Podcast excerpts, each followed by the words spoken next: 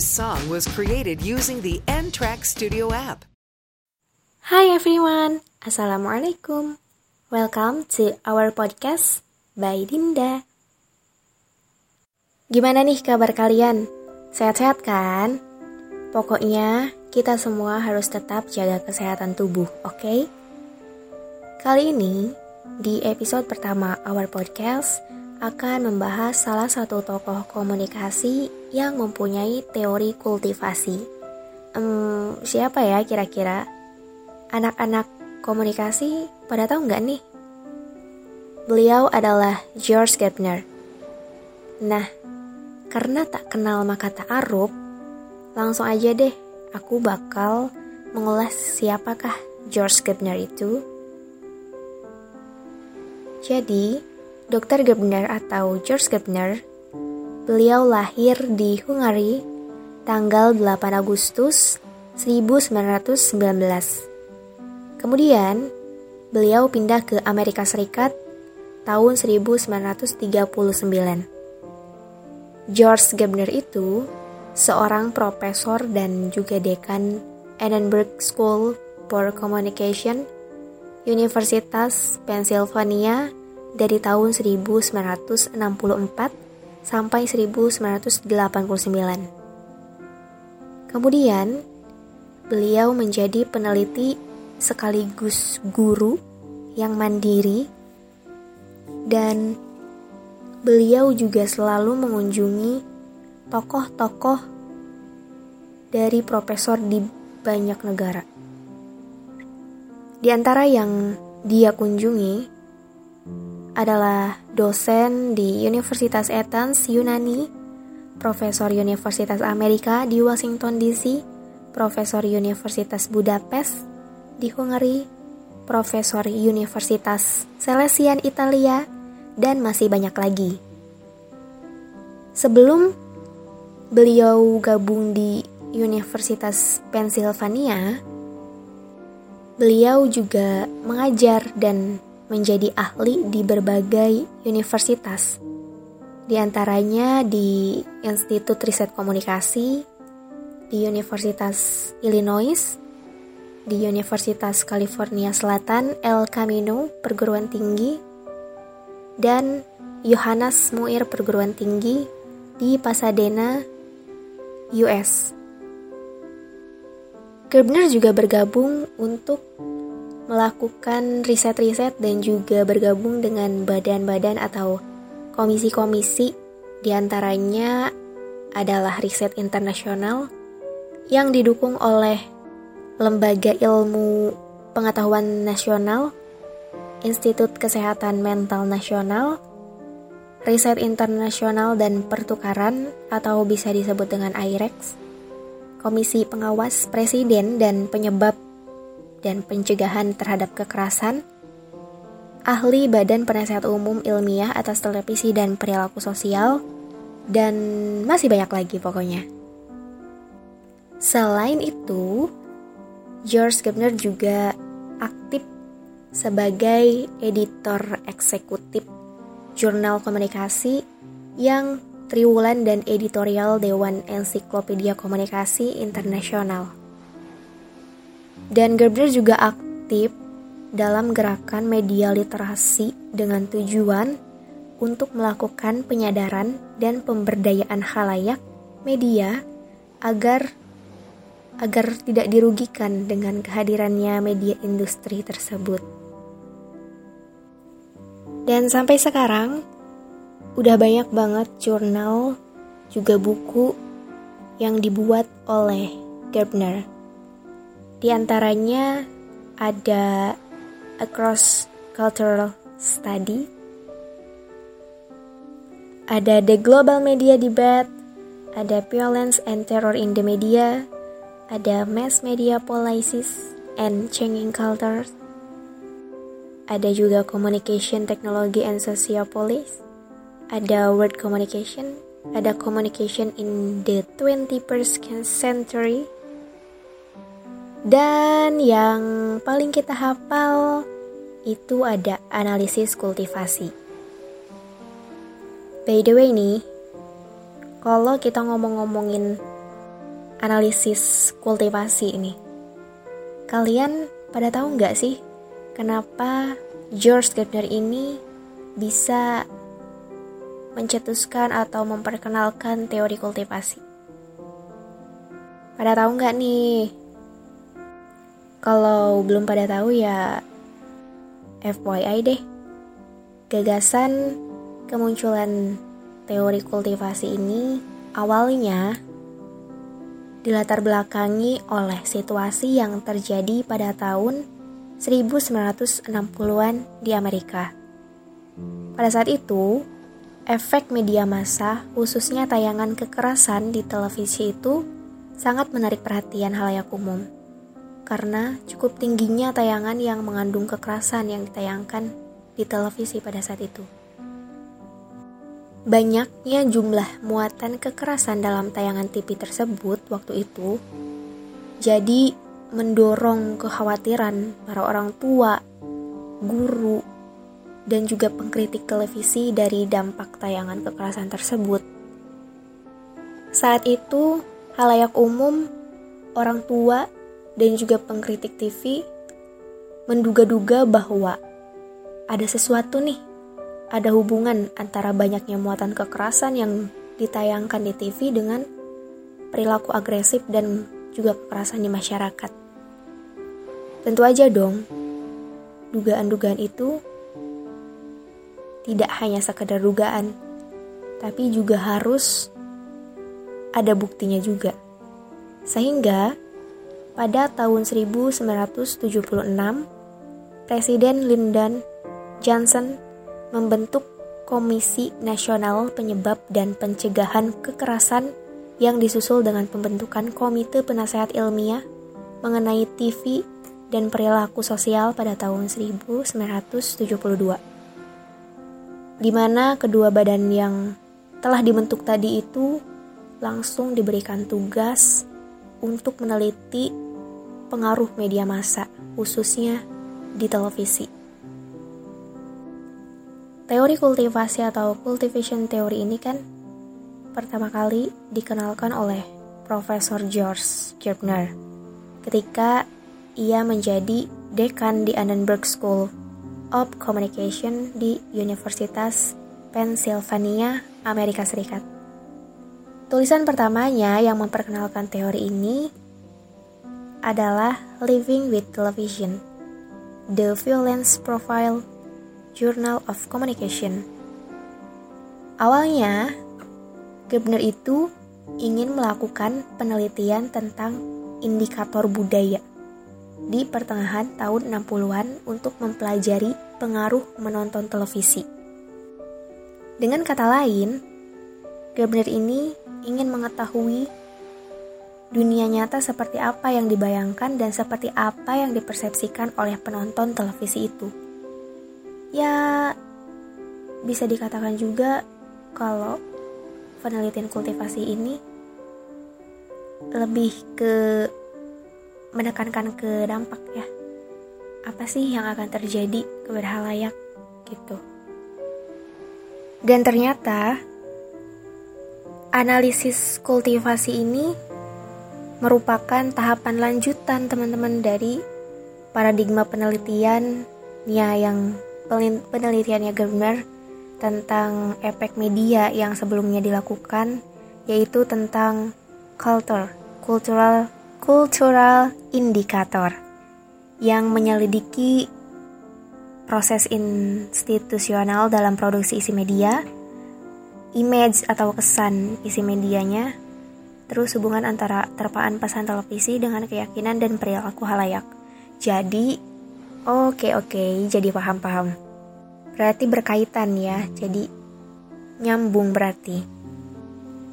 Jadi si analisis kultivasi ini teori, sebuah teori yang memprediksikan dan menjelaskan formasi dan pembentukan jangka panjang dari persepsi, pemahaman, dan keyakinan mengenai dunia sebagai akibat dari konsumsi akan pesan-pesan media itu.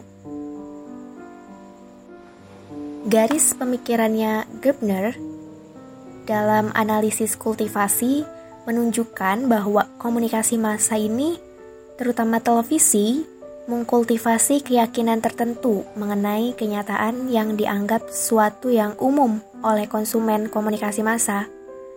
Sebagaimana diamati oleh Gebner bahwa kebanyakan dari apa yang kita ketahui atau kita pikir kita ketahui sebenarnya tidak pernah kita alami sendiri secara pribadi. Kita mengetahui hal-hal ini karena memang adanya cerita-cerita yang kita lihat dan kita dengar di media. Begitu. Selain itu juga kita harus tahu dong konsep-konsep penting dari teori kultivasi. Ada tiga konsep. Yang pertama itu ada diferensial kultivasi diferensial kultivasi itu lebih ke presentase perbedaan dalam responnya ya teman-teman antara penonton televisi. Oh jadi gini, kultivasi di sini tuh ada dua kategori. Ada kategori penonton kelas berat sama penonton kelas ringan gitu. Jadi presentasinya di dua bagian itu. Kalau yang penonton televisi kelas berat atau disebut dengan heavy viewer itu dalam satu hari mereka yang penonton televisi kelas berat ini bisa nonton sampai 4 jam per hari. Atau bisa sampai lebih dari 4 jam. Sedangkan yang penonton televisi kelas ringan atau like viewer itu per hari cuma nonton 2 jam. Kurang lebih hanya 2 jam tayangan tertentu. Mungkin bisa kurang dari 2 jam juga. Begitu ya kalau yang diferensiasi kultivasi. Next ada mainstreaming mainstreaming di sini diartikan sebagai kemampuan memantapkan dan menyeragamkan berbagai pandangan di masyarakat tentang dunia di sekitar mereka, atau uh, stabilis gitu, menstabil dan menghomogenis, menghomogenis, menghomogeniskan penonton dengan sosial, dengan sekitar gitu. Nah, dalam proses ini, televisi pertama kali akan mengaburkan atau mengblurkan, kemudian membaurkan dan melenturkan perbedaan realitas yang beragam menjadi pandangan mainstream tersebut. Jadi gini, kalau mainstream di sini itu berarti ketika ada adegan-adegan semisal kekerasan, pukul-pukul gitu atau megang senjata dan lain sebagainya itu akan diblur dan ini pertama kalinya pada saat itu di blur. Kenapa bisa di blur? Karena takut terjadinya mainstreaming, terutama bagi penonton kelas berat. Nanti yang ada kalau semisal nggak di blur, ditiru deh. Dan yang ketiga, ada resonance.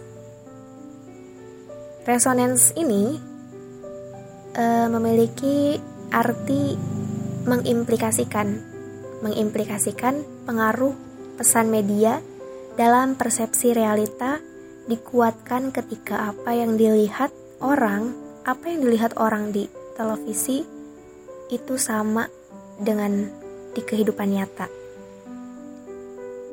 Resonansi ini bisa terjadi ketika hal-hal di dalam televisi, dalam kenyataannya dengan realitas keseharian para penonton itu sama.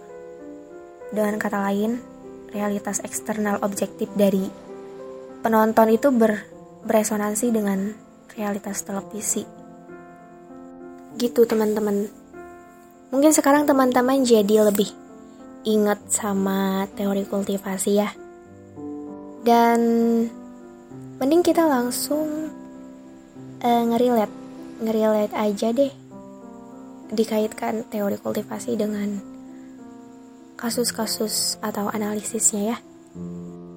Kalian pada tahu nggak sih sama serial TV 13 Reason Why?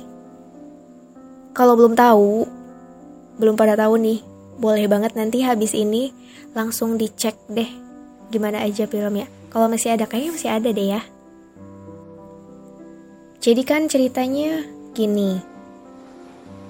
13 Reason Why itu nyeritain tentang seorang siswa SMA yang bernama Hannah. Dia ini ngalamin depresi yang tinggi hingga pada akhirnya dia memutuskan untuk melakukan bunuh diri. Nah, sebelum bunuh diri, si Hannah ini nih, dia bikin rekaman kaset sebanyak tujuh buah coba. Buat ditunjukin sama orang-orang yang dia anggap menjadi penyebab dirinya bunuh diri. Lalu, di dalam kaset itu, dia ngejelasin ada 13 alasan kenapa si Hana ini bunuh diri. Yaitu karena intimidasi, perundungan, bahkan kekerasan seksual remaja syarat dalam serial itu. Dalam serial ini dicerita, diceritakan bagaimana si pemeran utama Hannah ini melakukan bunuh diri dengan mengiris pergelangan tangannya yang digambarkan dengan sangat jelas. Lalu serial TV ini menjadi kontroversi kan dan menjadi perdebatan deh waktu itu di Amerika. Karena ya tayangan yang tayangan dan jalan cerita yang diangkat itu kurang bagus gitu kan. Serial TV ini juga diduga mempersepsi para remaja bahwa kegiatan bunuh diri adalah kegiatan yang diperbolehkan untuk dilakukan sampai sampai dengan anggapan bahwa serial TV ini menjadi inspirasi bagi para remaja untuk melakukan bunuh diri. Aduh, inspirasi dari mananya? Hal itu juga didukung oleh pemberitaan yang mengatakan bahwa untuk memperketat tayangan serial TV 13 Reason Why ini agar tidak menginspirasi dalam melakukan bunuh diri. Kok jadi jadi ngebayangin gitu ya? cerita kayak gini jadi ngerasa creepy banget. Oke okay deh next. Nextnya sehingga hal itu menimbulkan kekhawatiran bagi para orang tua. Ya wajar dong, pasti itu pasti. Apalagi kalau orang tuanya yang punya anak remaja, terus anak remajanya nonton serial TV tersebut. Wah, udah sih nggak bener. Bahkan setelah nonton tayangan serial TV 13 Reason Why itu ada loh yang sampai bunuh diri dua orang remaja. Dua orang. Dan itu kan nambah nambah membuat kekhawatiran di kalangan orang tua terkait dampak serial TV tersebut. Bisa membuat persepsi kepada anak-anak mereka bahwa melakukan bunuh diri diperbolehkan dan merupakan satu-satunya cara untuk menyelesaikan permasalahan depresi. Padahal itu salah. Dalam hal ini juga para remaja yang menonton tayangan serial teri televisi ini dan semisal sedang mengalami hal yang sama seperti yang dialami oleh Hannah yang waktu itu posisinya lagi depresi, terus juga dibully di sekolahnya, maka ya sedikit demi sedikit pasti akan membentuk persepsi bahwa jika seseorang sedang depresi dan ngalamin pembulian di sekolah, untuk nyelesain masalahnya jalan satu-satunya ya dengan bunuh diri. Sehingga hal ini membentuk persepsi kan di kalangan remaja bahwa tindakan bunuh diri merupakan kegiatan yang tidak benar untuk dilakukan. Bahwa realitas televisi sama dengan realitas sosial yang ada di kehidupan nyata. Jadi mereka mempersepsi bahwa bunuh diri adalah tindakan yang benar. Terus juga mempersepsi bahwa apa yang dilakukan di TV itu sama dengan apa yang dilakukan di kehidupan. Padahal enggak, enggak sama sekali. Terus gak cuman itu, efek dari menonton secara terus-menerus tayangan serial TV, 13 Reason Why terutama, akan membentuk persepsi bahwa kehidupan remaja pada realitasnya sama dengan apa yang ditonton, sehingga membentuk persepsi ketakutan untuk gaul sama teman-teman yang lain, karena memiliki kecemasan takut dibully dan lain sebagainya, sehingga ujung-ujungnya ya remaja tersebut jadi introvert, jadi nggak punya teman, jadi sendiri karena dia udah ketakutan duluan, udah cemas duluan karena takut dibully dan lain sebagainya. Apalagi kalau buat penontonnya kelas buat para penonton kelas berat. Berarti itu kan udah udah termasuk konsep ke diferensial kultivasi kan. Sekarang kita ambil mainstreamingnya nih yang terjadi dari kasus atau serial TV 13 The Reason ini, The Reason Why ini. Mainstreaming yang terjadi terutama bagi penonton kelas berat. Karena penonton kelas berat itu menontonnya terlalu banyak dan terlalu lama jadi menimbulkan konstruksi realitas sosial seseorang bergerak ke arah yang mainstream buat remaja yang tergolong heavy viewer atau penonton kelas berat ini kan pasti mengandalkan televisi sebagai sumber utama dalam mencari dan mendapatkan informasi. Maka akan menangkap pesan dari tayangan serial TV 13 Reason Why ini terkait tindakan melakukan bunuh diri. Jika mengalami depresi ya hal yang benar dilakukan adalah bunuh diri. Bahwa bunuh diri adalah satu-satunya cara yang bisa menyelesaikan masalah dan merupakan suatu hal yang benar untuk dilakukan. Itu poin mainstreaming yang kita bisa angkat. Selanjutnya, resonansi. Resonansinya bisa terjadi ketika hal-hal di dalam televisi, dalam kenyataannya, dengan realitas kesehatan para penonton itu sama. Dengan kata lain, realitas eksternal objektif dari penonton beresonansi dengan realitas televisi. Dalam contoh kasus ini nih, pasti akan membuat persepsi diperbolehkannya melakukan bunuh diri dan pembulian di kalangan remaja dan timbulnya perasaan khawatir di kalangan orang tua akibat tayangan serial TV 13 Reason Why ini.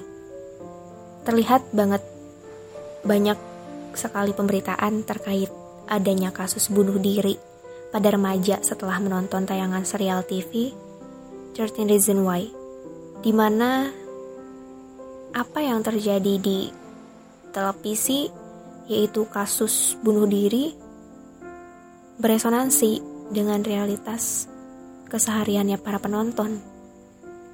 Sehingga hal ini membentuk persepsi bahwa bunuh diri adalah hal yang benar dilakukan dan banyaknya remaja yang ngalamin depresi, ngelakuin bunuh diri sebagai jalan satu-satu jalan satu-satunya penyelesaian masalah, sehingga menimbulkan rasa cemas kembali terhadap orang tuanya. Sedangkan kalau buat remajanya mah, yang punya tingkat kepercayaan diri yang rendah pasti akan mengalami kecemasan dan ketakutan untuk bergaul di kehidupan nyata. Ya seperti yang dibilang tadi, anak-anak remajanya akan lebih introvert karena mereka takut lebih takut takut duluan gitu. Sebelum mencoba udah takut aduh takut. Jadinya ya introvert deh. Udah cemas duluan. Ya ambil contoh deh. Di sekitar kita tadi kan contohnya dari luar kan ya sekarang di sekitar kita juga banyak kok kasus-kasus kasus-kasus yang kayak gini anak-anak kecil sekarang aja udah banyak banget yang meraktekin semisal ribut-ributan, tonjok-tonjokan walaupun itu cuma bercanda, itu kan awalnya dari nonton TV, dari serial TV. Jadi diadopsi deh sama anak-anak yang nonton itu jadinya kalau apa-apa ribut-ributan, perang-perangan, walaupun emang gak kekerasan. Tapi di situ udah terlihat efek kultivasinya tuh udah kelihatan banget. Selain itu juga banyak kok kasus yang pembulian-pembulian di sekolah. Terus juga terjadinya tuh rata-rata banyaknya di usia-usia remaja, iya nggak sih? Ya, kita sebagai manusia yang udah hafal sama teori kultivasi, mungkin ya harus bijak lah, harus harus memperingati orang-orang di sekitar kita, harus merangkul untuk sama-sama yuk uh, kita harus lebih bisa untuk tidak menonton televisi dengan berat. Ya, nonton televisi dengan sewajarnya aja lah. Dan juga jangan jadiin televisi sebagai sumber segala sumber. Ya, intinya sih kita harus lebih bijak. Kita harus mengingatkan agar sama-sama lebih baik ke depannya. Oke, terakhir deh. Aku mau bacain kesimpulannya deh, kesimpulan akhir ya dari uh, pembahasan kita di episode pertama kali ini. Kesimpulannya yang dapat kita ambil jadi teori kultivasi ini lahir ketika terjadinya kekhawatiran pada orang tua, guru, dan pengkritik TV terkait efek-efek tayangan kekerasan yang cukup tinggi Terus juga teori kultivasi pertama kali dikenalkan oleh George Gepner. Televisi juga media yang unik sehingga semakin banyak seseorang menghabiskan waktu untuk menonton televisi, maka semakin kuat juga kecenderungan seseorang menyamakan realitas televisi dengan realitas sosial. Sehingga penonton kelas ringan cenderung menggunakan jenis media dan sumber informasi yang lebih bervariasi, sedangkan penonton kelas berat cenderung mengandal, mengandalkan televisi sebagai sumber informasi mereka.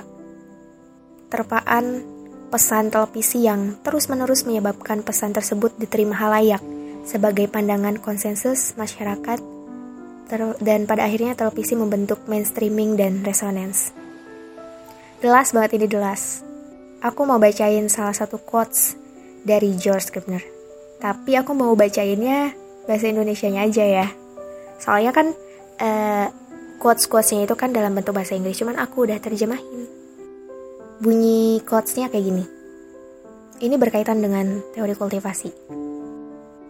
Orang yang ketakutannya lebih bergantung pada orang lain, lebih mudah dimanipulasi dan dikendalikan lebih mudah buat dibujuk dengan penuh tipuan, kuat, keras, dan mereka bisa dapat menerima dan bahkan menyambut penindasan jika itu dijanjikan untuk mengurangi ketidakamanan mereka. Thank you everyone yang udah dengerin our podcast di episode pertama ini. See you di next episode ya. Wassalamualaikum. Bye bye.